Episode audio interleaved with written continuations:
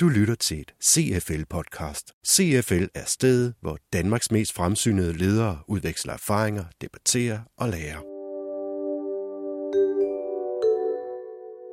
Så med det vil jeg sige rigtig, rigtig hjertelig velkommen. Daglig ledelse, det må være det vigtigste af de temaer, vi arbejder med, for alting summer ned i det. Så jeg vil give ordet til Kasper Jølberg. Velkommen.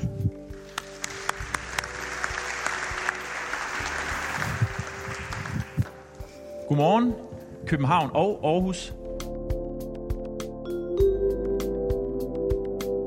Den nyeste indikator fra CFL handler om daglig ledelse, og de nye data blev fremlagt på to klubhusmøder den 29. maj.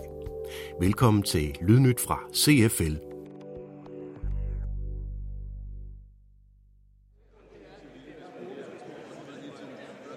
Interessen for de nye data var enorm. Salen var helt fyldt op, og det samme var ventelisterne. Kasper Jølberg, virksomhedsrådgiver i CFL, var dagens mand på podiet, og han åbnede ballet med at understrege den svære balancekunst, ledere i hele landet hver dag skal forsøge at mestre. Det første punkt er jo fra strategi til daglig ledelse. Og det er jo et ret stort brød at slå op.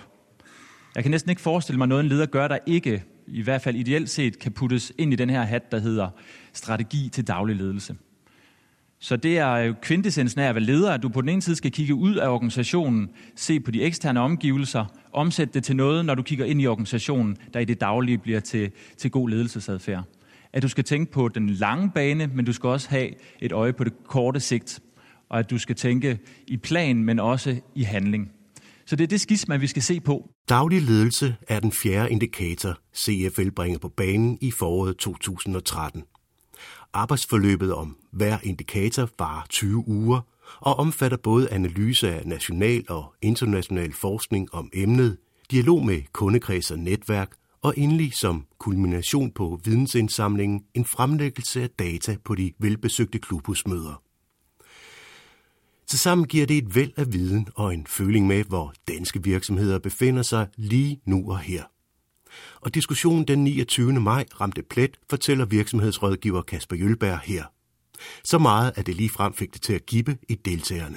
Noget af det, som jeg fik af feedback efterfølgende fra deltagerne, var, at da jeg udfordrede dem lidt på, om de som topledere nogle gange kunne glemme sådan virkelig at mene det, når de spurgte mellemlederne, øh, i forhold til at, at høre mellemledernes hverdag, og hvorvidt de fik arbejdet med mål og strategi, øh, og hvor jeg også kunne høre fra mellemlederne, de også nogle gange kunne se, at de måske ikke var helt modige nok i forhold til at få givet den feedback tilbage opad, øh, som jo også afspejlede sig i vores indikatorresultater.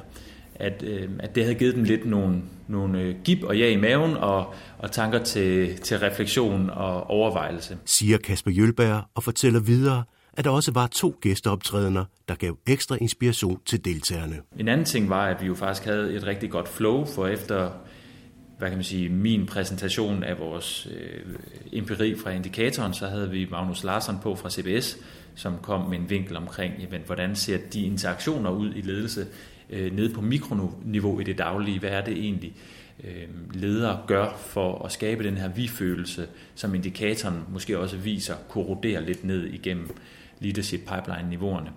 Øhm, så jeg synes, han underbyggede det meget godt med noget empiri fra en anden form for studier. Og endelig øhm, havde vi jo øh, Deltas direktør på til sidst, som havde nogle meget interessante og mere praktisk anlagte perspektiver på sin egen udvikling som leder og på sin måde at gå til lederopgaven på.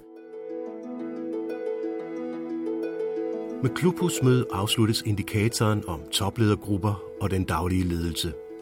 Efter sommerferien tager CFL hul på årets femte indikator, der handler om livslang lederudvikling.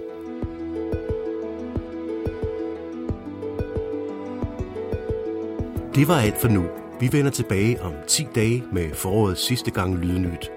Dit podcast var produceret af Søren Prehn og Mette Reinhardt Jacobsen fra mediehuset Periskop.